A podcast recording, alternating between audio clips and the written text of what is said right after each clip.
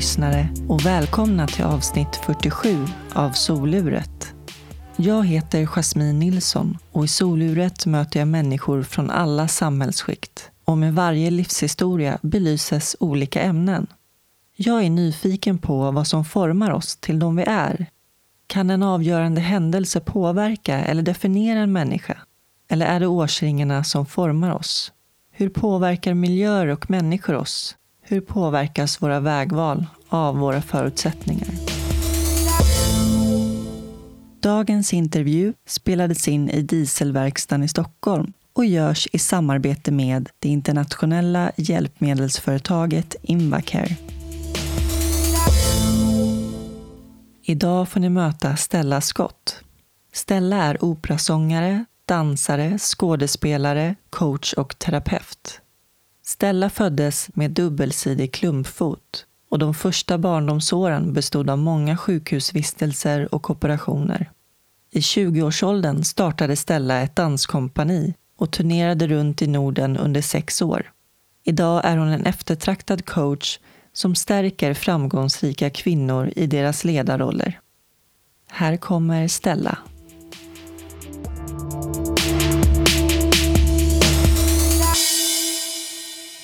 Mm, det satt bra med te. Ja, det var väldigt, väldigt gott.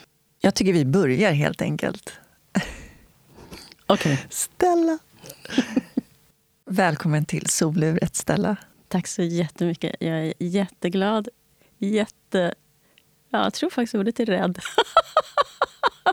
Samtidigt. Men jag förstår och, och lite det. rörd är jag också över att du har frågat mig. Härligt att höra. Du är ju en hängiven lyssnare också. Det, ja, det är jag tacksam för. Jag tycker att du är en fantastisk intervjuare. Jag tycker du har förmåga att dra ut saker ur folk um, utan att pressa. Och också uh, hur du får din sponsor att bli intressant. Så att alla blir människor tillsammans med dig, det är fint. Gud vad fint sagt. Det är ju väldigt speciellt, tycker jag, det här mötet på något vis. För att det kändes som vi kände varandra redan innan. Ja, verkligen. Eh, så. Ja, absolut. Vi fick ju kontakt via LinkedIn. Mm. Så upptäckte jag dig ja, och du upptäckte och mig. Jag upptäckte dig och resten är historia. Precis. Så det, ja, det är härligt att mm. vi äntligen sitter här. Mm, ja, det är fantastiskt. Jag är jätteglad. Ja. Så det, och det känns, ja, man ska inte uttala sig om framtiden, men det känns som att uh, det här är början på en lång, fin, trevlig mm, relation. Verkligen. Mm. Hur mår du?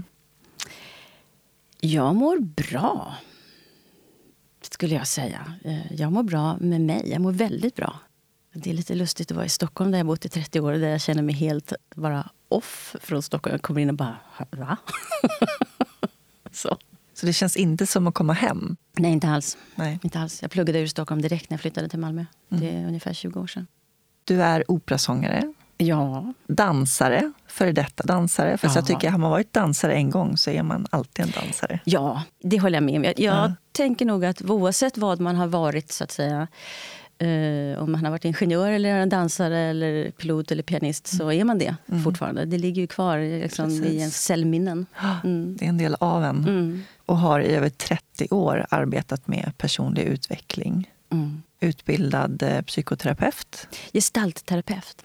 Mm. Och eh, inom energipsykologi. Hur hänger de där ihop? Ja, precis. Jag, jag är rätt snabb. Jag vill att mm. saker ska gå fort. Uh, och jag har alltid varit intresserad av människor. Uh, hur fungerar människor? Vad är sanning? Terapi, personlig utveckling hänger med i, har hängt med i allting som jag har gjort. Så när jag, jag går ut bara på en rant här. När jag utbildade mig till skådespelare i USA så var det utifrån att jag var så intresserad av människor. Och vad är det och vad gör dem och varför. Och allt det som är undertext i, när man pratar på scen är ju det som den människan är. Och det, det, måste man ju få fram. Och sen så är det så att vi människor, när vi pratar överhuvudtaget, alltså när jag sitter här, så finns det en massa undertexter i det som jag säger som är baserat just på min historia, på det jag är. Alltså dansaren och sångaren och mitt medfödda handikapp och allt, allt, allt det är ju med i allting som jag säger hela mm. tiden. Det är det som har format dig? Ja. Mm. Men du föddes eh, den 30 maj mm. 1959. Yes. Vad vet du om den dagen när du föddes? Jag vet att jag föddes på det som kallas för Allmänna BB Stockholm. Och att det var en lång, svår och jättejobbig förlossning. På vilket sätt? Ja, det tog tid. Enligt, alltså jag har läst journalerna från det. jag kan ingenting om medicin så jag vet inte riktigt vad det stod där. Men enligt min far som jag inte kan lita på. Men han sa i alla fall att min mor hade hon hade inte vanliga verkar utan det liksom var på, lite på ena sidan. Att det var liksom ojämnt och de var inte särskilt effektiva. Eh, och det gjorde att det tog lång tid. Sen skulle jag vilja säga att eh, jag vill inte komma ut. Så. Varför tror du det? Okej. Okay. Here we go! Uh, för att jag kommer ihåg det. För att vi kommer faktiskt ihåg saker. Uh, och det finns sånt från min graviditet som jag... Alltså från, när jag, mamma var gravid med mig, som jag kommer ihåg, som jag sen konfronterat min mor med. Jag frågade henne, för hon höll på att... Jag frågade henne, höll du på att få missfall? I typ sjätte, sjunde månaden.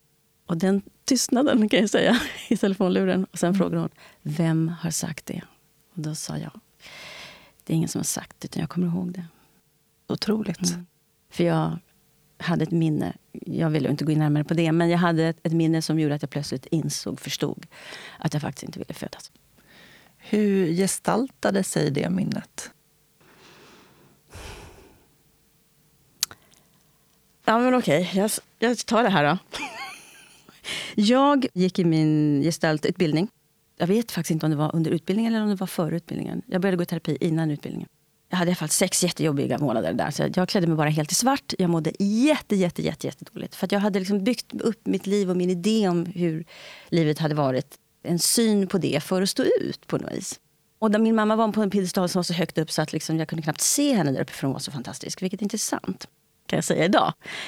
Men i den här dåligt mående grejen så hade jag någon slags spontan regression hemma. Där jag liksom bara försvann in i något hål. Så jag var ensam, men det var bara så. Eh, och lyckades så småningom kravla mig in i min egen säng och somna. Och när jag vaknar på morgonen, det första jag tänker är shit, fan också, jag lever fortfarande. Mm. Och det var en sån där, va? Vänta, vänta, vänta, vänta. vad var det där? Och sen så liksom kom jag upp och så. Och utifrån det så förstod jag, men vänta här, jag försökte ta mig ut. Och så blev det tydligt för mig att jag försökte där någonstans i 6-7 månaders ålder någonting, så försökte jag faktiskt slippa den här upplevelsen här på planeten. Så jag ringde min mamma och frågade henne. Höll du på att få missfall? Någonstans i sjätte, sjunde månaden. Och då blev hon så där tyst. Jag frågade, hur vet du det? Vem har sagt det? Det är ingen som har sagt det. Jag kommer ihåg det. Och varför tror du att du ville slippa? Därför att alltså, båda mina föräldrar är narcissistiska. Alltså deras självupptagenhet är magnifik. Det fanns ingen plats för mig. Och det jag gjorde i det läget var att jag utvecklade dubbelsidig klumpfot. Vilket jag har hört, för sen så småningom så jobbade jag på barnsjukhus eh, att fostret, deformeringen av fötterna sker sent under fostertiden. Och jag gjorde det för att kunna få någon slags uppmärksamhet från dem. Alltså det här måste låta så flummigt för folk som bara undrar vad, vad är det för flummigare hon har fått tag i den, den här gången.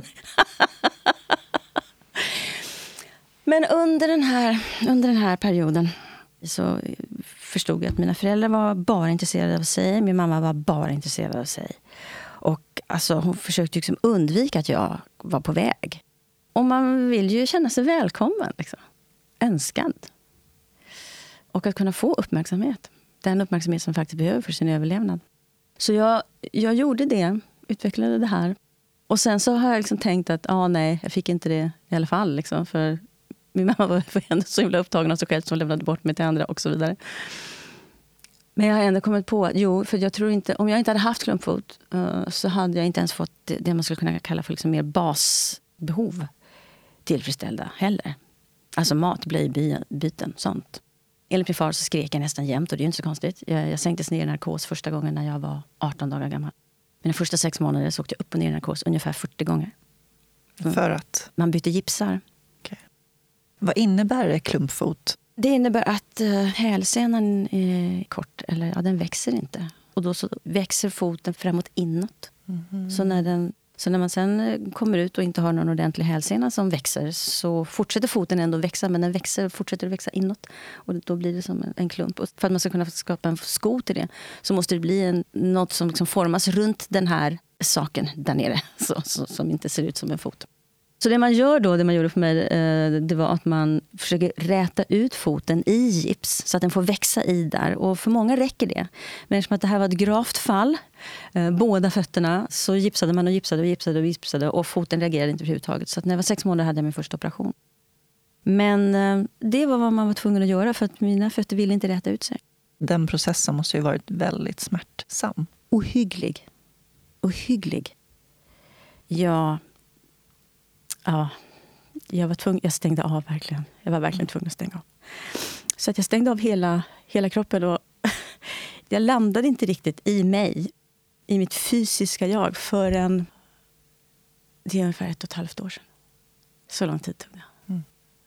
Det var i maj, nära min födelsedag, som jag, liksom, jag vaknade upp på något sätt i, i den kropp som är jag och de möjligheter som den kroppen har. När jag plötsligt såg saker annorlunda Alltså vatten såg annorlunda ut, eh, färger såg annorlunda ut. Allt var annorlunda. Alltså det var, jag, jag var helt... Upplevelsen rusade på mig på något sätt. Lamslagen av den här närvaron som plötsligt dök upp. Och Det var då jag förstod hur mycket jag stängt av. Jag har gjort jättemycket, jag har jobbat jättemycket med mig själv och med mina processer. Och det här med fötterna och operationerna och separationerna och smärtan. Alltså det där. Men jag hade liksom inte kommit till den här punkten förrän då. Och där jag upptäckte att jag kunde stänga av och på det här. Mm. Vi tar lite te. Vi tar lite te på det. Just begreppet klumpfot, det låter så förlegat på något vis. Och jag tänker, det här var ju 59. Ja.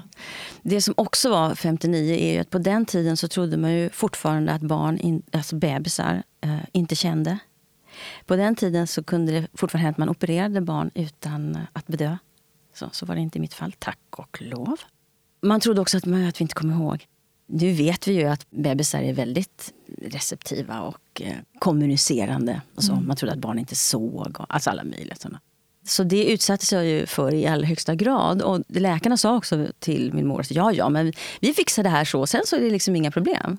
I allmänhet så rättar foten ut sig när man lägger in den i gips. och så. Men det är fortfarande så att det blir ju aldrig en normal fot, eller en vanlig fot, eller vad jag ska kalla det för. Mm. Utan man har ju fortfarande här, och det blir en funktionsnedsättning mer eller mindre. Så att, att, förstå, att förstå det och veta det hela tiden. Jag har då vuxit upp med att, att det där kommer i princip att gå över. Mm. Och sen har jag ändå haft de här fötterna så har det inte gått över. Men en del av det här att bli sedd och att kompensera och så gjorde att jag blev dansare. Alltså det är så himla roligt. Det är som att du bara säger fuck you till ödet. Liksom. nej men så, alltså bara, alltså, nej, jag, jag, jag, tänker inte gå den här vägen. Jag tänker ta den här lilla, lilla omvägen eller vad jag ska kalla det för. Innan vi kommer dit mm. så vill jag landa lite mer i din barndom. Mm. Nu har vi förstått att dina föräldrar kanske inte var de ultimata föräldrarna. Precis. Mm -hmm. Vad gjorde de för någonting? Min mamma är författare. Mm. Och hon, var, hon slog igenom som 22-åring tror jag med dunder och brak. Så. Sättet hon skrev på, vad hon skrev om. Hon var utlämnande i sig, hade spännande språkbruk. Jag tycker hon är en bra författare. Vad heter hon? Anna-Karin Svedberg. Jag gillar att läsa hur hon skriver. När jag sen gick i terapi så småningom så konfronterade jag henne just med mina klumpfötter och hur det hade varit. och, och sådär. Att hon skulle liksom också tagit hand om mig. Och då så säger hon, detta är ett citat. Jag hade mina plikter mot min begåvning. Och jag tycker det säger en del om hennes... så. Jag var ett störningsmoment. Och eftersom att jag var ett störningsmoment så lämnade hon ju bort mig. Så jag var liksom hos mormor och morfar, jag var hos hennes kompis, jag var liksom överallt. Och hon åkte bort, hon åkte till Italien och bodde där. Och det, alltså, du vet, det, var, det var väldigt så liksom, fokus på henne och hon, hon, hon.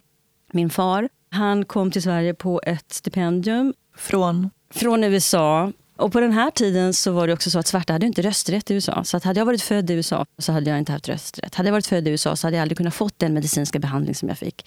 Eh, en av världens främsta specialister på klumpfot befann sig i Malmö där min mormor och morfar bodde. Så jag hade en otrolig tur i det och blev opererad och gick på undersökningar och så. för von Rosen. Jag är så tacksam så att jag gråter över det också. För att, för att hade jag, hade jag varit född i USA, mm. shit. Helt andra förutsättningar. Ja, gud alltså. Så jag är jätte, jätte, jätte tacksam. Dels att jag är född här och dels att von Rosen fanns då och att han fanns i Malmö och att det gjorde att min mormor och morfar kunde ta hand om mig. Inte bara det, utan att de faktiskt ville det. Så att de gjorde det. Har du syskon? Jag har en bror. Han är åtta år yngre. Olika fäder. Och det var ju skandal på den här tiden. Mormor och morfar kommer från en övre medelklasshistoria. Lite så. Hade gått ställt. Morfar var mejerist, undervisade på Alnarp, liksom där kungligheter och sådana går. Så det var, liksom, det var prestige så det räckte. Hem kommer min mor med en svart man. Gravid utan att vara gift. Alltså, oops. oops. Men vet du vad? Det var ändå bättre än de här brudarna som hon hade hängt med. Det var liksom skandal överallt på henne. Hon skrev om de här sakerna. Jag gick i Montessori-skola första till fjärde klass på Östermalm. Och då var det var vissa barn som inte fick leka med mig. För att min mamma var så skandalös. Ja, det var den tiden. Ja, det var den tiden. Mm. Det var den tiden. Men eh, min far då, han åkte tillbaka till USA och sen så hade han ingen kontakt med mig för han ville lägra en, en vit kvinna. Och det sa han. Det berättade han för mig sen när jag var i USA och pluggade.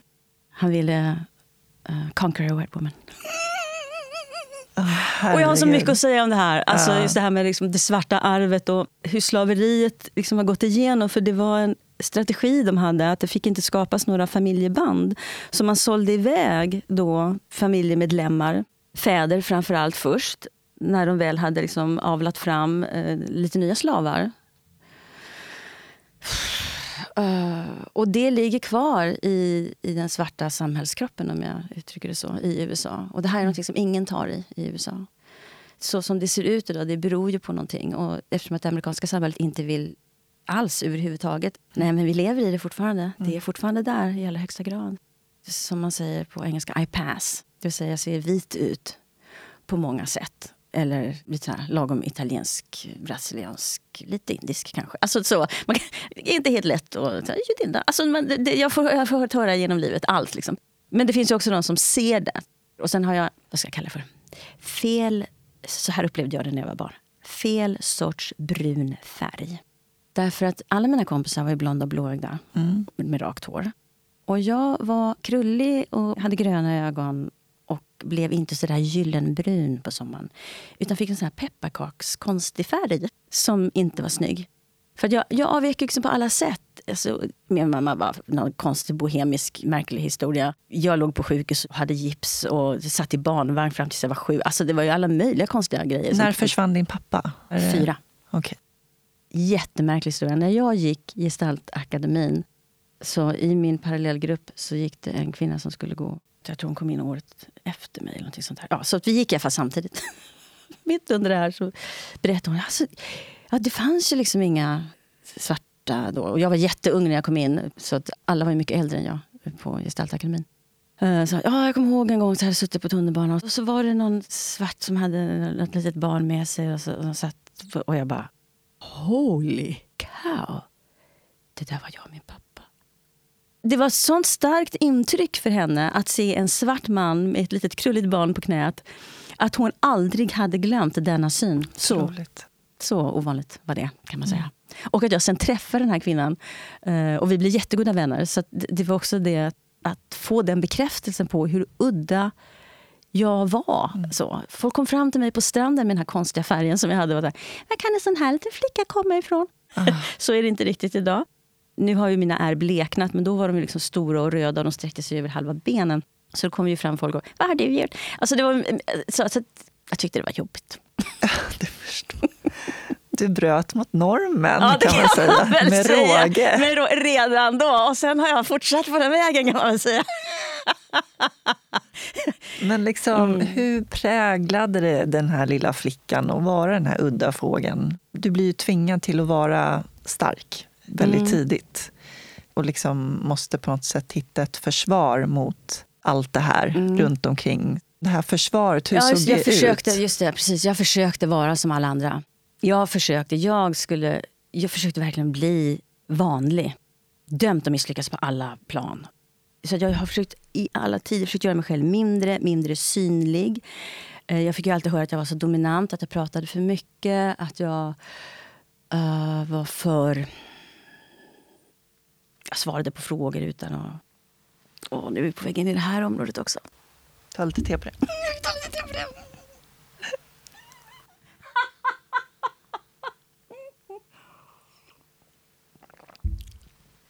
Bland alla mina udda konstiga saker som barn. Alltså jag var en sån här unge som läste ledarsidorna när jag var nio. Såg saker, tyckte saker. Hade alla möjliga åsikter om grejer. Alltså, lillgammal kallar man det för då. Mm, just det. Idag kallar man det särbegåvad. Och det är också jättejobbigt att sitta här och säga högt. 2% av världens befolkning har gröna ögon. Det har jag. Det är inte så konstigt. Det är ingen som tycker att det är jobbigt. Liksom. Det är bara, aha. 2% har ett väldigt högt IQ. Det har jag också. Det är skitjobbigt. Det tycker folk är jätteprovocerande. Det ska man inte säga vem tror att du är, du ska inte skryta. Så, så jag har också försökt liksom hålla ner det jätte, jätte, jättemycket. Eftersom jag var ett barn som faktiskt mådde dåligt så utreddes jag. Nej, förstår inte varför. Precis.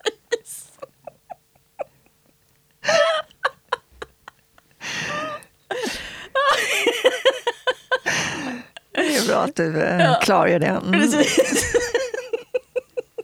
Jag känner mig lite sedd här just nu faktiskt. Uh, uh. Ja, så att jag utreddes på Erika stiftelsen när jag var i sju, åtta, någonting sådär. Jag gick i Hedvig Eleonora skola på Östermalm i en Montessori-klass. Som jag vill säga var en del av min räddning också. Jag hade en fantastisk För de som lärare. inte vet vad Montessori är, kan du berätta? Det är en specialpedagogik eh, som en fantastisk italiensk kvinna skapade. Som handlar om att se varje barns speciella gåvor och förmåga och låta det barnet få utvecklas åt det hållet. Så kan man väl säga. Och jag hade en fantastisk lärare och jag ryser när jag tänker på henne för jag är så tacksam. Tora Hempel. Så. Ja, jag vill gå igen. Jag var också ett barn, alltså jag grät aldrig. Jag var verkligen tvungen att gå i terapi för att lära mig gråta. Så att, eh, det är ja, jättebra. Men det var väl en del av ditt försvar? Ja, absolut. Jag höll igen. Oh, God, jag har minnen av när jag liksom håller tillbaka så att jag nästan kräks. Liksom. Eh, Jag lärde mig inte gråta, jag skulle inte vara till besvär, för mamma tyckte jag var besvärlig. Alltså, oh, Gud. Ja, för fan. Jo, just det. Så att jag blev utredd på Erika stiftelsen för att jag hade tics och mådde dåligt. Jag var rädd för barn, jag kunde inte sova. Ah, alltså alla, alla 50-11 eh, symptom på att det här barnet behöver hjälp. Och i det så gjorde man en så kallad intelligenstest också. Och sen när jag hittade, när jag var 36, så letade jag upp alla mina papper. Och det var en ren så kallad slump att det föll ner i knät på mig. Därför att jag skulle ansöka om amerikanskt medborgarskap. För med en amerikansk far så har jag rätt att få det. Så var det inte när jag föddes och Vietnamkriget. Och bla. Alltså, jag skulle sitta här i tre dagar och prata. Men i alla fall, eh, så att jag skulle åka till USA och undervisa på ett eh, universitet där i sång. Och för att göra det lättare liksom, så tänkte jag, ja, men jag, jag fixar det här. Så att då var jag tvungen att hitta min fars original underskrift på att han var min pappa. Så jag började beställa en massa papper och det var då allt liksom ramlade över mig med alla journaler. Och det här pappret kom så småningom, men med det kom allt det här andra. Inklusive journalerna ifrån Erika stiften som jag var helt omedveten om. Jag hade inte en aning. Och det var då jag också såg att jag hade varit fosterbarn. Inte bara liksom att jag hade bott och varit med mormor och morfar under min operation utan jag hade faktiskt varit ett registrerat fosterbarn. Och hur mycket barnavårdsnämnden hade varit inkopplad med mig. Och alltså, ja, nej. Ja, ibland, ibland är det lite så här, okej okay, Stella, det är ett fullständigt mirakel att du överhuvudtaget är här, att du inte blev galen, att du inte börjar knarka. Liksom. Så, på riktigt. Jag är imponerad på mig själv. Det kan jag faktiskt sitta här i podden och säga. Att när, när jag tittar tillbaka på det här lilla barnet och den här tonåringen så bara, holy cow, alltså vilken... så, och så, och så, och det är jag. Ah, hon bor fortfarande här inne i mig. Så i det här, ibland så stod det då, välbegåvad flicka, bla bla bla, och så stod det en siffra, bla bla bla, enligt Whisk. Jag bara, jag fattar ingenting. Okay, välbegåvad. Ja, hon är inte dum alltså. Och då har min mamma sagt till mig i hela min uppväxt. Stella, nu är du dum. Så fort jag inte höll med henne. Så att jag trodde faktiskt att jag var lite, inte, inte korkad så. Det var när jag bodde i USA och pluggade så var det faktiskt min far som fick mig att förstå att jag hade en viss intelligens till och med. Men du blev utredd och vad kom de fram till? Ja, de kom fram till att jag behövde hjälp.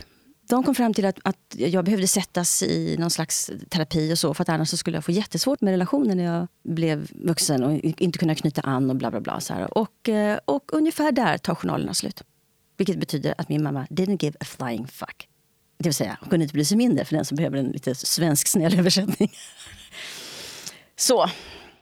Det som är konstigt i det här, som förbryllar mig lite grann, det är att jag var, trots alla mina uddaheter och konstigheter, så var jag ett populärt barn. Jag var inte mobbad. Jag hade alla förutsättningar i världen för att bli mobbad. Men jag har en väldigt stark, uppenbarligen, ledarkapacitet och någon slags eh, magnetism eller någonting som gör att folk dras till mig. Och sen har jag då det här IQ och den här klokskapen som är medfödd, som jag alltid har haft. Jag sattes i dansskola tidigt när jag var fyra, sa läkaren. Sätt barnet i dansskola för att stärka fötterna. Så. Och det var ju jättejobbigt, för där stod jag, liksom, den enda krulliga eh, lilla ungen och så skulle man hålla på och sträcka på sig och göra saker. Och, och så. Hur gammal var du då? Och då? Eh, jag började som fyraåring. Och hade så, i mina ögon, världens fulaste fötter. Mm. Fula fötter, krullig, brun. Och alla andra var blonda, rakt hår och söta. Liksom. Och jag var inte söt. Jag var också väldigt begåvad. Och det var ju också problematiskt. Uh, så att jag hade, liksom, jag hade långa armar, jag hade goda rörelser. Liksom, och hade också lätt för att göra såna där saker som man ska göra utan att spänna sig. Alltså hoppa och, och sånt. Och hur gick det med fötterna? Herregud alltså. Ja. Vi flyttade till Nacka. Jag åkte in tre gånger i veckan till Balettakademin. Och i allmänhet, särskilt på de klassiska lektionerna, för jag tog ju liksom klassiskt, jazz, fridans, step. Alltså jag måste bara förtydliga för folk som kanske inte förstår hur mycket fotarbete som krävs. Alla små muskler i fötterna måste man använda ut till minsta lilla lilltån. Mm. Jag då som har dansat balett tycker att det är otroligt fascinerande att du, att du klarar det mm. med de förutsättningarna. Många gånger fick jag gå och sätta mig efter halva lektionen så för att jag fick så ont. Och det finns en sena nere vid hällen på insidan som ska, som ska vara mjuk. Men den var, så, den var hård som ben hos mig. Så jag kunde liksom göra lite saker på diagonalen men sen behövde jag allmänt gå och sätta mig. Men jag gick inte hem, jag satt kvar hela lektionen. Alltid. Och sen så var jag tillbaka där. Så att klassisk balett hade jag tre gånger i veckan. Plikttrogen. Ja, väldigt, oh. När jag bestämt mig för att göra något så gör jag det hela mm. vägen. Så det var ju jättesmärtsamt. Jag hade jätteont. Men du bet ihop? Men jag bet ihop och gjorde det. Mm. Mm. Vad gav dansen dig då? Alltså den gav ju någon slags kompensation också. Och den gav någon slags... Det fanns ju också en glädje i det. Alltså att få göra någonting som man är begåvad på ger ju också glädje. Så, så att de saker som jag var bra på. Jag tyckte väldigt mycket om alltså, att jobba vid stång. Då är, så, då är arm, huvud, alltså vinklar, alltså det där. Så, det, och det, alltså när jag pratar om det så kan jag liksom få den här underbara känslan liksom, att föra en arm liksom in. Alltså, böjning, alltså det där oh, oh, oh, så. Subtila. Ja, det är precis. Ja. Det är underbart. Och till klassisk piano. Mm. Som hela den, den miljön mm. är, är fantastisk. Och jag måste säga att mina, mina danslärare de behandlade alltid mig väldigt fair, väldigt, väldigt equal. Det var inget snack. De såg att jag hade en begåvning och förstod att jag hade ett problem samtidigt. Och det var ingen som liksom drog ner eller försökte... Eller ifrågasatte nej. din plats där? Nej. Det, jag blir lite gråtig av det också. Aldrig. Liksom. Under nej. alla år så var det någon som försökte säga att jag inte skulle vara med eller att det inte var okej att jag satt ner. Eller så, utan det var ja, ja, så, så gick jag och satte mig. Mm. Och sen kom jag tillbaka för att, för att jag var en kämpe. Shit alltså, jag var en sån kämpe. Och jag tror att de, eftersom att de vet hur mycket, hur mycket kamp som behövs även när man inte är liksom, handikappad. Mm. Att de faktiskt hade, det, det slår mig nu att jag tror de hade en otrolig respekt för den kampen. Och min kärlek till dansen där. Jag måste sticka in lite här och berätta att jag...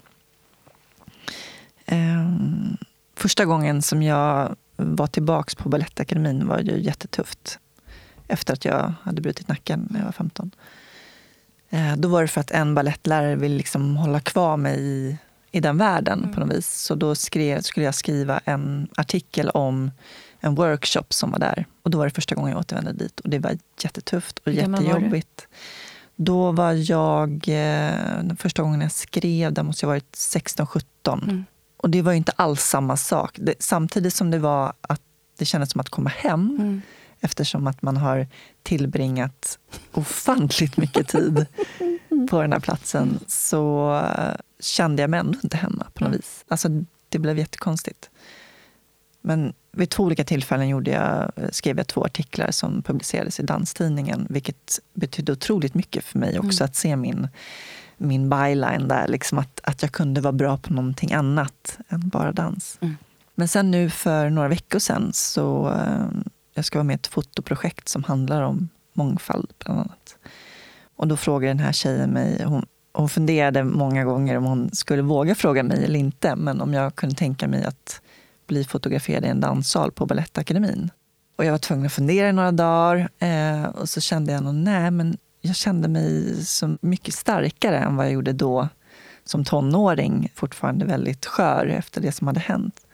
Så jag kände, nej men jag känner mig trygg och stark i mig själv. Och det är en del av mig, som du beskriver också, att liksom, dansen är ju med en. Mm. En del av ens identitet, alltid. Så jag kände, men, nej, men vi gör det. Liksom. Mm. Så jag kommer dit och känner mig som hemma. Och på något vis så kände jag mig mer objektiv också. Mm. Att jag hade fått distans till, till sorgen, även om jag alltid bär med mig den. Mm. Och sen apropå det här med danslärare och estetiska människor tänker jag överhuvudtaget. Hur man välkomnar alla. Och då stötte jag på rektorn där mm. som hade börjat ett år innan jag skadade mig. Och vet du vad han sa? Mm. Han sa välkommen tillbaka. Han sa välkommen tillbaka. Och jag bara, alltså du förstår. Ja, det var bara... Fram med servetten igen. Och lite te på det, tror jag. Och så lite te på det.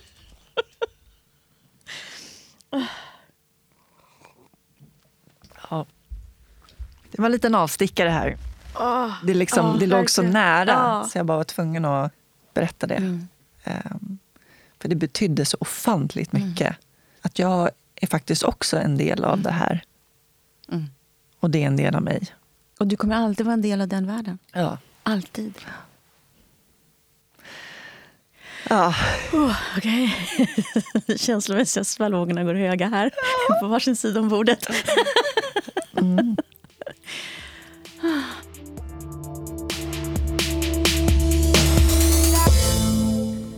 Nu sitter jag här med min samarbetspartner Invacare och framför mig har jag Anna-Karin. Hej! Hur är läget? Det är bara bra. Skönt att höra. Vad gör du för någonting här på Invacare? Jag jobbar som produktchef för personlyftar och vårdsängar. Vad är det för produkter ni har just nu som är aktuellt? Vi har faktiskt en hel del på gång, både inom lyft och säng.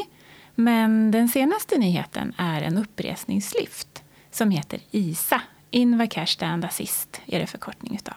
Den är tänkt att användas till personer som eh, kan medverka vid förflyttning, som kan ta lite belastning på benen och följa instruktioner. Så man måste kunna röra på benen lite grann? Lite grann. Ja. Och det är ju ett alternativ till att bli lyft helt och hållet. Vilket är onödigt om man faktiskt kan belasta lite. Precis.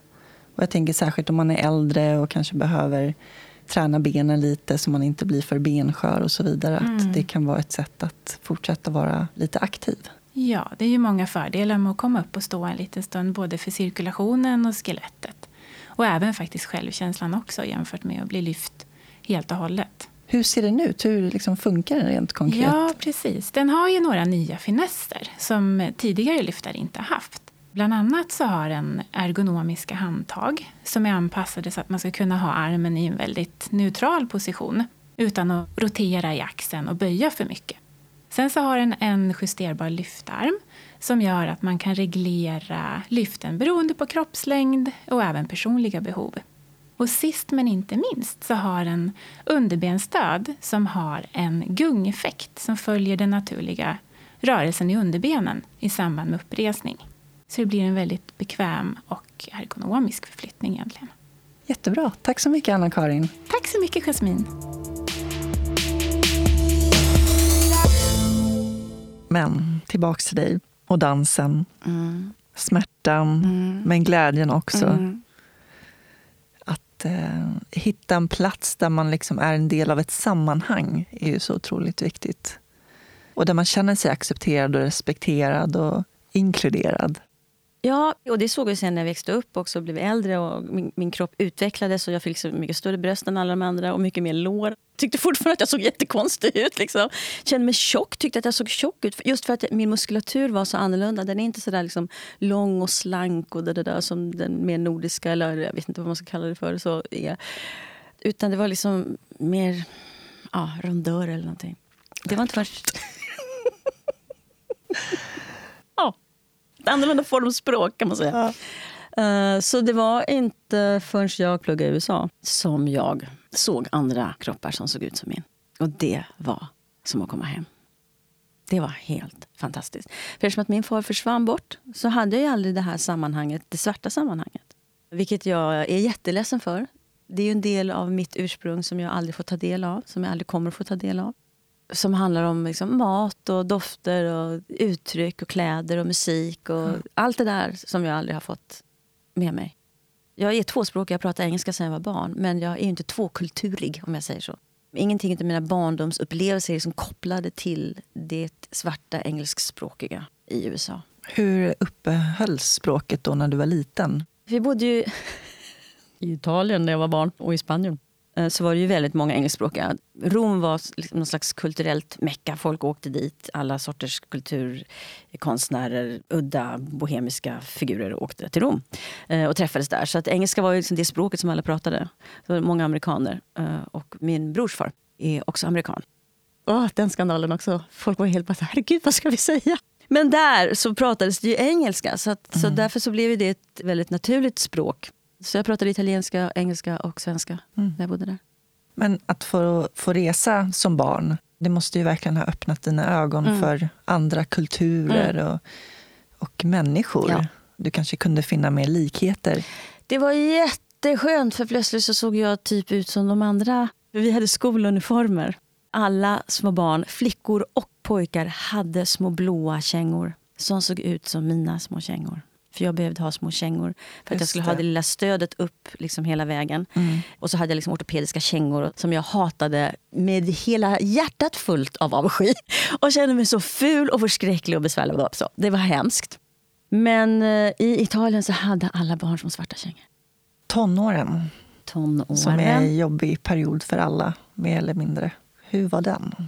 Tonåren känns jätte det känns så lång på något vis. Det känns som att jag gick in i så otroligt många olika faser. Jag är fortfarande vad man kallar populär, men jag är inte så populär som tjej. Jag var för smart. De gillade mig jättemycket. Alltså vi, jag hade jättebra relationer med killar. Så. Men jag blev liksom lite en av killarna. Och därför att jag var dominant, jag var inte rädd för att prata. Där, där, så Och så i skolan så satt jag längst bak tillsammans med killarna från obsklassen. Men jag lyckades ju ändå kamma hem över fyra i snitt. Min enda trea var i matte. Jag har dyskalkyli, jag har jättesvårt för siffror. Jag kan liksom inte se, jag kan inte skilja på en tre och en fyra. Lite sådär.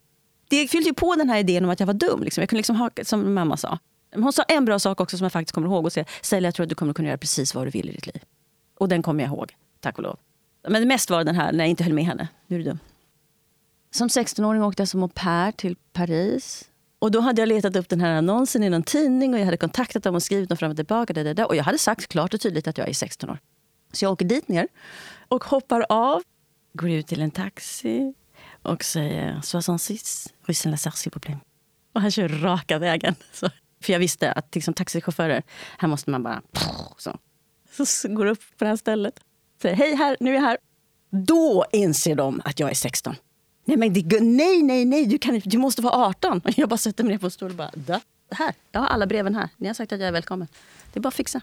Och man har ju varit med om lite saker då under livet. Så det, det var inte liksom vilken 16-åring som helst som dök upp. Utan det var liksom, skinnet på näsan var ju läderartat minst sagt. Och då, han blev så trött killen så han blev matt på mig på en gång. Och då var det två stycken tjejer där som var 18 och sa, Åh, kan inte ni ta med henne till ert hotell? Så då gjorde de det. Guy och Annika tog med mig till sitt hotell. Och sen blev vi oskiljaktiga. De hittade en familj, en svenskspråkig familj åt mig. Som var beredd att ta sig an den här 16-åringen. Och det var jättebra, för jag var jätteskoltrött. För jag hade verkligen haft aptråkigt i skolan. Jag bara pallade mm. inte att liksom ta mig iväg till något jäkla gymnasium efter den här ohyggligt tråkiga upplevelsen. All den här självständigheten som jag redan hade. Jag var tvungen, jag fick ju sköta mig själv jättemycket under hela min uppväxt. Och jag tog hand om jättemycket saker i huset. Alltså min mamma gillade inte att städa, vem städade? Min mamma gillade inte att handla, vem handlade? Min mamma gillade inte att tvätta, vem var det som tvättade? Det är faktiskt en form av misshandel, liksom, att inte ha ett fungerande hem runt ett barn. Så där i Paris blev jag liksom... Jag flyttade hemifrån kan man säga. Där kände jag att jag, kunde ta med, att jag tog mig an världen, kan man väl lugnt säga. Och när du kom tillbaka från au pair-livet? Ja, när jag kom tillbaka från au pair-livet så... Jag fick ett brev från min far för första gången på x år. Och då skrev han hans far hade dött. Eller min farfar, som jag aldrig har träffat. Så han fick väl lite ångest. Hans far hade också lämnat honom. Och jag blev jätteberörd av det. Jag minns att jag faktiskt fick så här tårar i ögonen och blev jätte... Oj, så han, han, han hörde av sig liksom, till mig. Så då bestämdes det att jag skulle åka över. Och då hade jag väl börjat Dalarö folkhögskola. För då var jag tillbaka från Paris. Och istället för att börja vanligt gymnasium började jag folkhögskola. Estetisk linje. Och sen så då sökte, då åkte jag över dit. Det första han säger är welcome home. Jag tyckte det kändes jättekonstigt. Det är första gången jag ser den här människan på, Ja, på hur 14 år eller ja. sånt där. Mm. Men han levde ju i sin lilla värld, liksom slags romantiserat la la la. Så, och var gift med Claudia. Och uh, de inser liksom att vänta nu, den här tjejen, för min far är också särbegåvad. Så de såg ju direkt liksom att vänta, det är något speciellt med den här tjejen. Och då finns det en väldigt fin och bra skola i Brooklyn, New York som heter Pratt Institute. School of Fine Arts. Alltså, du kanske skulle söka in.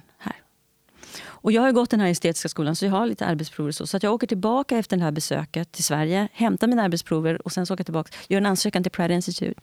Kommer dit, eh, går på intervju, visar upp mina arbetsprover och kommer in till min stora förvåning. Jag, för jag bara så här, va? Men vänta, vad konstigt. Så. Hur svårt är det att komma in? Ja, det tog ett tag för mig att förstå. Det ansöker ungefär 10 000 och de tar in, in cirka tre. Så att det är inte en direkt räkmacka. Verkligen inte. Och då har de många olika linjer. Jag vet inte hur många som sökte till teaterlinjen Mm. då som jag sökte in på. För att bli scenograf och puppeteer. Dockmakare. För det var ett av mina arbetsprover som jag hade lämnat in. Ja, så kom jag in. Och det var fantastiskt. Jag bär den fortfarande med mig.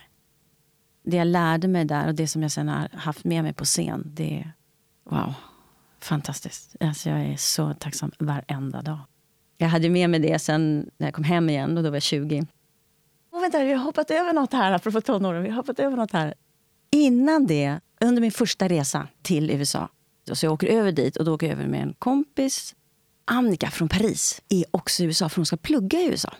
Och vi är så här, äh, men herregud, alltså är vi i USA samtidigt så måste vi se alltså. Så jag och min kompis träffar Annika och här, jag vet inte vad jag ska kalla det för, men det är som ett jordskred. Alltså det är bara så. Alltså jag blir så förälskad i denna kvinna så att jag liksom bara, jag vet inte vart jag ska ta vägen. Alltså hela världen bara, men gud jag hade inte en aning. Så verkligen. Och min mamma är bisexuell och jag har ju vuxit upp liksom i den här väldigt öppet och teater och kultur och bla bla bla. Så hela den, den är jag jättetacksam för under min uppväxt. Det var väldigt öppet och inget konstigt så.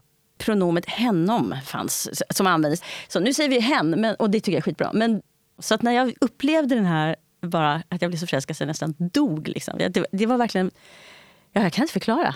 Shit, jag hade inte en aning. Är det så här? Kan det vara så här? Är det så här det är? Är det här de menar? Så var inte det konstigt för mig. Utan bara, okej, okay, det är så här alltså. Sen skulle hon ju bo i USA i ett år och plugga. Och jag skulle bo i Sverige. Så det var ju inte liksom snack om något annat heller. Utan vi var ju båda liksom upptagna på varsin sida av Atlanten. Och skrev dessa heta brev och ibland pratade om telefonräkningarna. Oh my god! Shit. Ja, det kunde bli väldigt dyrt. Och sen var vi tillsammans i sex år. Och vi är fortfarande vänner. Du är i USA, du har gått skolan. Och sen när du är klar med utbildningen, vad tänker du då om framtiden? Det var så här. På alla utbildningar var man tvungen att ta ämnen som så att säga låg utanför ens egen utbildning. Man var dessutom tvungen att ta under hela utbildningen då, minst en klass från andra discipliner inom sitt område. Så jag skulle ju liksom jobba offstage. Alltså jag skulle inte stå på scen, utan jag hade ju sökt som scenograf och så. Så jag hade ju tagit liksom ljussättning, scenografi och så tog jag acting class. Jag tyckte det var fantastiskt. För man fick en sån insikt i och också förstå att det här är ett teamwork. Vi måste göra det här tillsammans. Och det absolut viktigaste ordet från alla inblandade parter är tack. Det är inte så att man liksom glider in på scenen och, sen, och tror liksom att I am the star. Därför att utan ljussättning och ljud och att någon har byggt en scenografi och, och liksom nålat upp min kostym så blir det ingen föreställning. Så jag tog min actingklass och då kommer Jordan Hott fram till mig och säger Stella, did you ever consider acting? Och jag blir så här, eh, va? Nej, eh, jätt, nej, det, nej. För jag har alltid tänkt dans, liksom, så, om det ska vara på scen. Det borde du göra. Jaha. Och det här är slutet av terminen, så jag ska åka hem över vinterlovet. Tänk på saken. Och han är, han, det känns som att han är liksom 1,50 och klotrund. Alltså det är en fet liten man med fantastiskt vackra blå ögon och jättelånga ögonfransar som ständigt röker. Så att han alltid, alltid en cigarett i munnen. Och så åker jag hem och är jätteförvirrad. Men kommer ändå fram till där hemma att, att nej, men jag ska nog vara på scen. Jag har ju faktiskt varit på scen hela mitt liv. Jag har ju stått, jag gjorde min första, mitt första lilla framträdande liksom när jag var fyra när föräldrar kommer. Och, da, da, da. Det var inte min mamma som kom förstås, det var någon annan. Ja, jo, men kanske, ja, men jag prövar det. Så jag kommer hem och kommer tillbaka till USA och säger till Jordan som är the dean of the theater department. Jo, men jag har bestämt mig. Jag, jag går över från scenografi till acting. Och så tittar han på mig och så tar han ut sin cigarett i munnen och säger good, I'm glad. Så stoppar han in cigaretten igen och så går han. Och jag är numera antagen till skådespelarutbildningen. Men sen kom jag hem. Så då tänkte jag jag söker scenskolan i Stockholm och i Göteborg. Och kommer inte in. Eh, jag söker tre gånger. Kommer inte in. Eh, jag tänker, ja, ja. Eh, det går ju inte att söka några jobb i Sverige om man inte har gått scenskolan i Sverige. Eller det går i alla fall inte att få några. Så, så jag startade ett danskompani. och då är du 20? Och då är jag 20 och då har jag redan börjat, innan jag åkte så hade jag redan börjat dansa arabisk, turkisk folklor. För att jag, jag kan ju inte stå på tå. Eh, och tillsammans med min lärare då som också hade sagt så här, äh, du är bra på det här. Så vi startade tillsammans det här danskompaniet, Astarte Folkoriental. Och sen så blir vi så småningom sex kvinnor som eh, gör det här på heltid. Man kan säga att vi är ursprungsmammorna till all orientalisk dans i Sverige. Vi turnerade i hela Sverige. Vi var i Finland och vi var i Danmark, gjorde workshops, pratade om liksom, kvinnokultur. Men sex år, danskompani? Ja, danskompani sex år. Och sen hamnade jag i... Eh, det blev slut med min första flickvän. Och eh, det var något som inte var bra med att det blev slut. Där, så.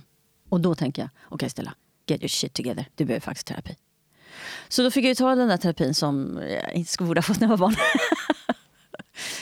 och och eh, då hade jag sett, mm, därför att det var en annan tjej i vår grupp eh, som blev kär i en tjej. Och hon mådde inte bra och då, hon gick i gestaltterapi. Och då såg jag förändringen på den här tjejen. Hur hon från att ha mått dåligt till att börja må bra. Jag tänkte, det där låter spännande. För när jag gick högstadiet så var jag intresserad av psykologi, kanske bli läkare. Alltså alla de här, och just för att jag var intresserad av människor som jag sa förut. Hur fungerar människor? Hur tänker människor? Men det var någonting med psykologin som var så här, det är för teoretiskt för mig. Jag vill, jag vill ha en slags resultat. Jag vill, liksom, jag vill jobba med människan, inte med teorierna. Och det som jag såg så tydligt på den här tjejen var att här sker en förändring. Det är en transformation på gång. Intressant. Så då sökte jag mig dit. Eh, men jag är ju som jag är, så jag sökte mig till utbildningen direkt. Kom dit och så sa ja, alltså, har du någonsin gått i någon terapi? Nej, inget alls någonsin. Alltså, ja, nej, men du är en spännande människa och vi är jätteintresserade av att ha dig på utbildning men vi kan absolut inte ta in dig. Så gör det här och det här och det här så kan du komma tillbaka nästa år. Så jag gjorde som vanligt, jag dök rakt in. Så jag gick två sådana här så kallade baskurser och så började jag gå individualterapi. Och i den här individualterapin, så, det var då jag hittade liksom den här regressionen och, alltså, och började må så fruktansvärt dåligt. För att hela det här traumat hann ikapp dig? Ja, det kan man väl säga. Det jag hade byggt upp runt omkring det, alltså alla skyddsmekanismer, allt det där liksom bara rasade ner. Så. Jag skapa en liten övning åt mig själv. Varje dag så stod jag framför spegeln och bara tittade på mig själv. Och var så här, vem är det här? Vem är det här? Jag Tittade mig själv i ögonen och jag stod länge. En kvart, en halvtimme. Varje dag. Och plötsligt en dag efter ungefär sex månader så såg jag hur jag såg ut. Jag såg hur jag såg ut. Och jag hade precis som med, med min hjärna så hade jag liksom tänkt, ja, jag, så, jag är väl inte helt dum, så här, men liksom, ja, det var inget särskilt med det. Inte direkt alldaglig, men, ja, men jag såg okej ut. Och plötsligt så bara ser jag den här vackra, för helt främmande människan. Så, alltså bara, och så förstod jag att jag såg ut så där. Och sen grät jag tre dagar. Jag grät för... Och så blev jag så här tårig igen. Jag grät för, den här, för fyraåringen, för, för den här tonåringen. Uh, det var så... Alltså... Och där förstod jag också att jag hade sett och förstått det tidigare, men det blev så tydligt. Då var det mer på en intellektuell nivå, men det här var bara på mig. Utseende är inte ytligt. Yta är inte ytligt om man inte kan se sig själv. Precis som att jag inte kunde ta in min intelligens. Jag ville att min pappa skulle älska mig för den jag var. Men han var helt fascinerad av min intelligens. Så jag försökte liksom skjuta ifrån den för att jag ville att han skulle se mig. Men jag kunde inte ta in att jag är intelligent. Det är en del av mig. Även om han inte kan se hela paketet så är det faktiskt jag. Och det är likadant med mitt utseende. Jag vet idag, jag ser idag, varenda dag. Jag är en vacker kvinna. Det är jag. Jag har lockigt hår. Jag har gröna ögon. Jag har klumpfot. Och jag är vacker. Det är inget jag skryter med. Det är bara så det är. Och jag skulle önska att andra människor kunde bara se sig själva. Och jag var så tacksam, för jag var 27, att jag såg det så tidigt. För jag förstod att någon dag skulle jag annars ha suttit i 70, 80, 90-årsåldern, tittat tillbaka, sett bilder på mig själv och sett holy shit, jag var verkligen en vacker ung kvinna och jag trodde att jag var alldaglig. Är det något jag kan, vill ge liksom den som lyssnar på det här, det är att yta är inte ytligt och du ser ut som du ser ut. Och att ta hem det och, och våga vara strålande. Och då tänker jag också på Sara Danius som, som precis har ja, så dött. Och det är så himla sorgligt. Men hon, hon tog den där, den där platsen som man såg. Hon satt inte hemma och var lite försiktig och var briljant och strålande och liksom bara outrageously så. Lite försiktigt i ett hörn. Utan hon tog hela platsen. Och jag älskar den här bilden när hon sitter i sin orange-rosa klänning bland de här annars liksom svartvit gråa bakgrunden och bara exploderar ut. Och jag säger så här, det är alla vi som pallar att explodera ut. Det är vår förbannade jävla plikt att göra det. Ja. Så. Och sen om man exploderar ut med eller utan rött läppstift, skitsamma! För det handlar inte om det. Det handlar om att gå ut och vara så synlig som det bara går att vara. Och så mycket som jag har dragit mig själv tillbaka och försökt inte finnas och vara lagom och helst blond och gärna rakt hår och inte vara för smart och inte prata för mycket och ändå och bara ställa bara skit i det, okej? Okay? Och det är ett jobb för mig. Alltså det jag vet inte om kamp är riktigt rätt ord, men det har verkligen varit det för mig. Sen den dagen. För när jag läste, när jag så småningom, när jag var 36 och hade hittat den här siffran och inte förstod liksom vad det var för någonting. Jag? Välbegåvad flicka. Okej, okay, välbegåvad. Ja, okay, inte dum alltså, men välbegåvad. Jag förstod inte. så. Och när jag liksom såg vad det innebar, då var det samma grej. Jag grät i tre dagar. Världen mm. blev aldrig mer sig lik. Jag gick ut och tittade på folk och bara holy cow. Alltså det här att, att ta hem hela sig och inte be om ursäkt för att jag är den jag är. Och inte be om ursäkt för sin ålder, oavsett om jag är lite för ung för det eller lite för gammal för det. Inget av det där. Det här är den jag är. Jag är 60, jag ser ut så här och jag har den här hjärnan och jag har de här fötterna. Och det gör jävligt ont i mina fötter många gånger. Och jag tänker inte be om ursäkt för det heller. Nej, jag är jättetacksam över att du orkade komma hit idag. ja, det var på håret. För det, hade inte det var inte helt självklart. Nej, det var inte helt självklart. Nej. Är det någonting, jag säger det igen, är det någonting som du som lyssnar kan ta med dig hem från det här, är ta plats med den som är du. Det finns ingen annan du där ute. Du konkurrerar inte med någon. Hur påverkar det dig och hur växer du i mötet med andra människor i, i ditt arbete? Vad ger det dig? Jag, jag tänkte, men hur vill jag jobba? Och så upptäckte jag plötsligt att jag satt i mitt rum med fem människor inom, högt inom näringslivet, liksom, eller corporate, så, som jag coachade. Men vänta, är det här? Och då kunde jag liksom se att det finns en, en grupp kvinnor där ute som ingen tror behöver hjälp men som faktiskt har låg självkänsla. Eh, som inte mår särskilt bra, men som är jätteduktiga och framgångsrika i det de gör. Och då tänkte jag, men det här är nog min målgrupp. Och jag älskar att jobba med dem. Det är jätteroligt. Och det blir ett sånt himla bra arbete. För de är, liksom, de är smarta, on top, de, de vet vad de vill, de är på väg och nu har de bestämt sig för att vänta, jag behöver göra en resa med mig själv. Men de behöver fortfarande kunna vara kvar på sin position, så jag jobbar jättetätt. Jag kan inte ha för många, för att jag måste vara väldigt tillgänglig. För det är en fråga också att ja, eh, klockan fyra går mitt plan till Berlin. liksom, det är så. Och jag, jag märker att det passar mig jättebra och kunna vara, ha den tillgängligheten. Så att om det krisar, vilket det kommer att göra, så kan jag också pendla mellan coaching och terapi. För det är skillnad. Och väldigt många söker sig till coaching när de egentligen behöver terapi. Ja, precis. Jag skulle vilja säga att majoriteten i dagsläget söker ja. sig till coaching när de behöver terapi. Och coacher vet inte skillnaden. För det är skillnad. Mm. Eh, men jag förstod det, för när jag undervisade på Musikhögskolan i Stockholm eh, så... By the way. By the way! En passant.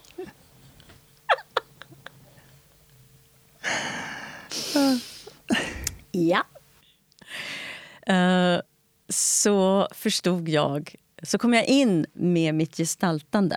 Men jag förstod att här kan vi inte köra någon gestaltterapi. Men jag hade jobbat med mig själv och mitt eget sjungande och med min, eller min egen scennärvaro liksom, överhuvudtaget.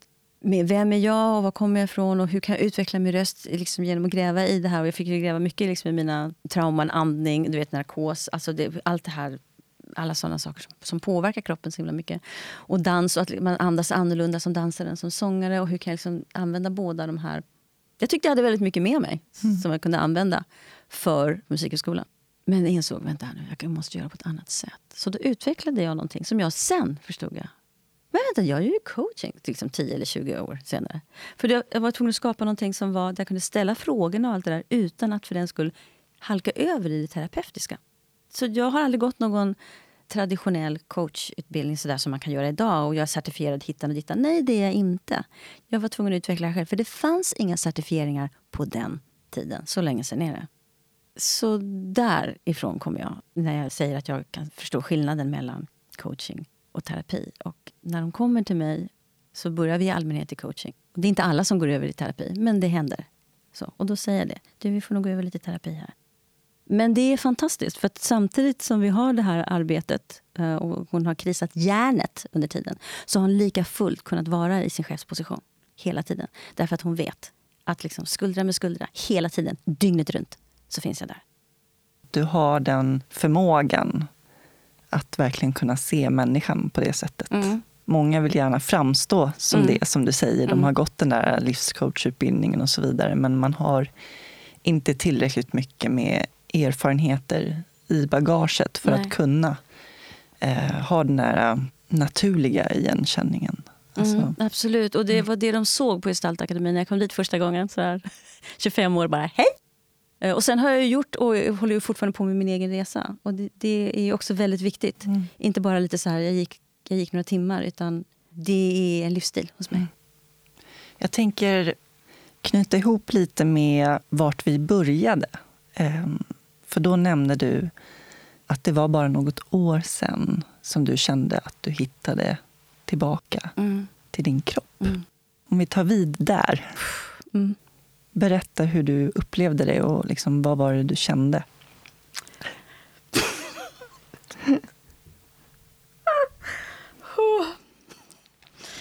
Du har den här frågan också. När grät du senast? Nyss. Mm.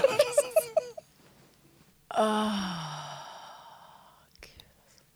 när jag började jobba som terapeut så de som kom till mig var nästan alla som, varit utsatta för sexuella övergrepp. Eh, fysisk misshandel, eh, incest och sånt. Så. Mm. Och jag var ju helt ny och grön och färsk och jag kunde ändå hantera dem. Alltså det, det var min flock på något sätt. De kom alltid till mig. Och det var långa terapier. Men det var ändå det. Och bara, okej, okay, det här är tydligen min grej. Och då förstod jag vad det var. Därför att när man har varit utsatt för det så är det ofta så att man dissocierar från sin kropp. För att överhuvudtaget överleva. Och det var det jag hade gjort. Mm. Så med den här upplevelsen, just av liksom närhet och intimitet, för närhet och intimitet är inte riktigt samma sak. Men att, att det blev så intimt, inte bara fysiskt, utan i det här andra, i fältet liksom mellan oss. Och hur det blev den här sammanslagningen. Det gjorde att det var som att det var liksom dags att ta in vad det är att ha en fysisk kropp. För jag har också känt det som att jag inte hör, hör hemma här. Alltså fysiskt, inte så. Och då blev det också så här, nej men jag, den här gången tillhör jag jorden. Så här är det att vara människa.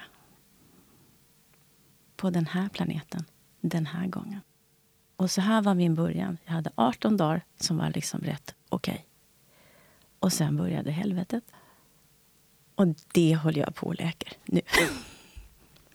och det är inte helt lätt. um, ja. Det blir en bra övergång här, mm. eh, apropå att vara människa. Mm. Men jag ställer den frågan. Mm. Vad innebär det för dig att vara människa? Det innebär att jag är på den här planeten och jag är fullkomligt beroende av allt runt omkring mig. Men allt runt omkring mig är inte beroende av mig. Jag behöver den här planeten. Vattnet, maten, getingarna, träden, molnen. Jag behöver dem, annars kan jag inte vara människa. Men de behöver inte mig. Alls. Och det perspektivet. På ett sätt är jag helt oviktig. Vad betyder frihet för dig? På sätt och vis att vara i det. Att vara i att, att jag är... Det här är den människa som jag är på den här planeten. Det är så här det är. Och att ta in det helt. Så. Jag är absolut totalt fullkomligt beroende. och när jag kan liksom leva i det så, så kan jag ta till mig alla de friheter jag har. Och så, och så privilegierat som i den här delen av världen. Att vara född i ett sånt rikt land med yttrandefrihet och rösträtt och fri medicinsk vård och allt det där. Och det är helt fantastiskt. Jag är jättefri. Tror du på ett liv efter detta? Ja, det gör jag. Men framförallt så hoppas jag på ett liv här och nu. Och nu kommer vi till när grät du senast? Det Alldeles nyss, på. flera gånger. Vad gör dig arg? Jag blir sällan arg. Det är som det är på något vis. Jag sa jag tror på ett liv efter detta. Ja, men jag tänker inte komma tillbaka till den här planeten. Vad gör dig lycklig? Det är en jättesvår fråga, för jag är lycklig. Även när jag gråter. Det är också en del av det. Och jag har varit lycklig länge. Alltså, jag, jag tror att det är någonting av det här att jag accepterar, tillåter, snarare tillåter, det som är att vara att när jag liksom ramlade ner där i kroppen och bara oh my god, så hemskt det var att vara jag när jag var liten. Rent ur, ur ett fysiskt perspektiv. Det andra hade jag ju hållit på med mycket, men, men att, att vara kropp. Liksom. Att vara allt det där samtidigt. Våga det. Ja, jag är en lycklig människa. Härligt. Vad drömmer du om? Antingen så drömmer jag inte överhuvudtaget. Så säger jag så, nej men du vet, jag orkar inte komma tillbaka till den här planeten, den är så hopplös eller planeten är fantastisk och dess invånare, den här arten gör mig liksom bara... Uh, så. så jag tänker säga det som små barn säger. Fred på jorden. Mat och kärlek till alla. Nära vänner och så. Till alla. Nu kör vi antingen eller-frågorna. Ja. Nu har vi druckit te här. Ja. Kaffe eller te? Te. Bok eller film? Jag har ju hört de här frågorna några gånger, så jag har funderat. Jag tycker den här är jättesvår. Jag har ju läst jätte, jätte, jättemycket böcker. Jag tycker mm. om att läsa böcker. Ja, det blir nog bok i alla fall. Kött eller grönsaker? Grönsaker. Planering eller spontanitet? Spontanitet. Se eller höra? Säger du till en sångerska liksom? Jag kan nog säga så här. Hade det varit innan den där upplevelsen när jag satt vid kanalen och liksom såg hur vattnet skiftade i olika gröna nyanser och liksom bara grät. Mm. Så skulle jag sagt höra. Och nu tror jag att jag säger se. Ljus eller mörker? Ljus. Fort eller långsamt? Fort. Lyssna eller prata? Båda. Det går inte att jobba med det jag jobbar med, varken som sångare eller som terapeut eller coach, om man inte har båda. Jag tycker om att lyssna och prata. Tack så jättemycket, Stella, för att du kom hit och delade med dig av ditt liv. Tack så hemskt mycket för att jag fick komma och göra det mm. så här med dig av alla fantastiska människor. Tack så mycket. Jag är hedrad. Är det några sista ord som du vill förmedla? Ja, jag vill säga till vem än den är som lyssnar på det här. Det är inget fel på dig. Vad du än har hört, vad, vad du än har sagt och vad du än går igenom. Det är inget fel på dig. Du använder det som pågår för att klara dig så bra som möjligt här på planeten. Och det gör du bra. Jag börjar nästan gråta av det. Tack. Nu stänger jag av här. Mm.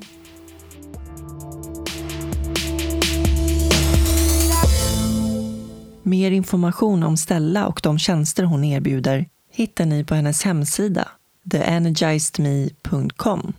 Hon finns även på LinkedIn som Stella Scott, the Queen Coach. Är det någon som kan få en att känna sig stärkt och lära sig att älska sig själv så är det Stella.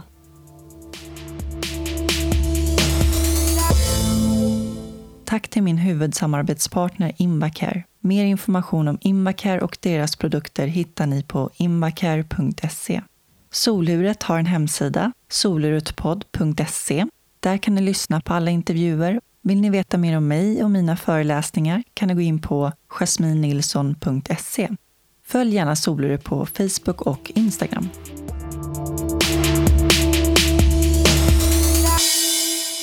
I I nästa avsnitt får ni möta Kristoffer Nettelblad.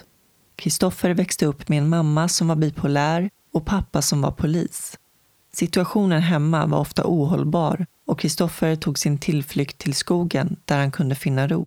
Senare började han med dataspel och kunde döva sina känslor genom spelandet. Så småningom hittade han även porren. Överkonsumtionen av porr och spel ledde till svåra beroenden som tog över hans liv. Idag är Kristoffer certifierad beroendecoach och har startat verksamheten Undisputed PRN Recovery för att hjälpa andra ur porr, sex och spelberoende. Tack så mycket för att ni lyssnade och ta hand om varandra där ute. Puss och kram. Hej då.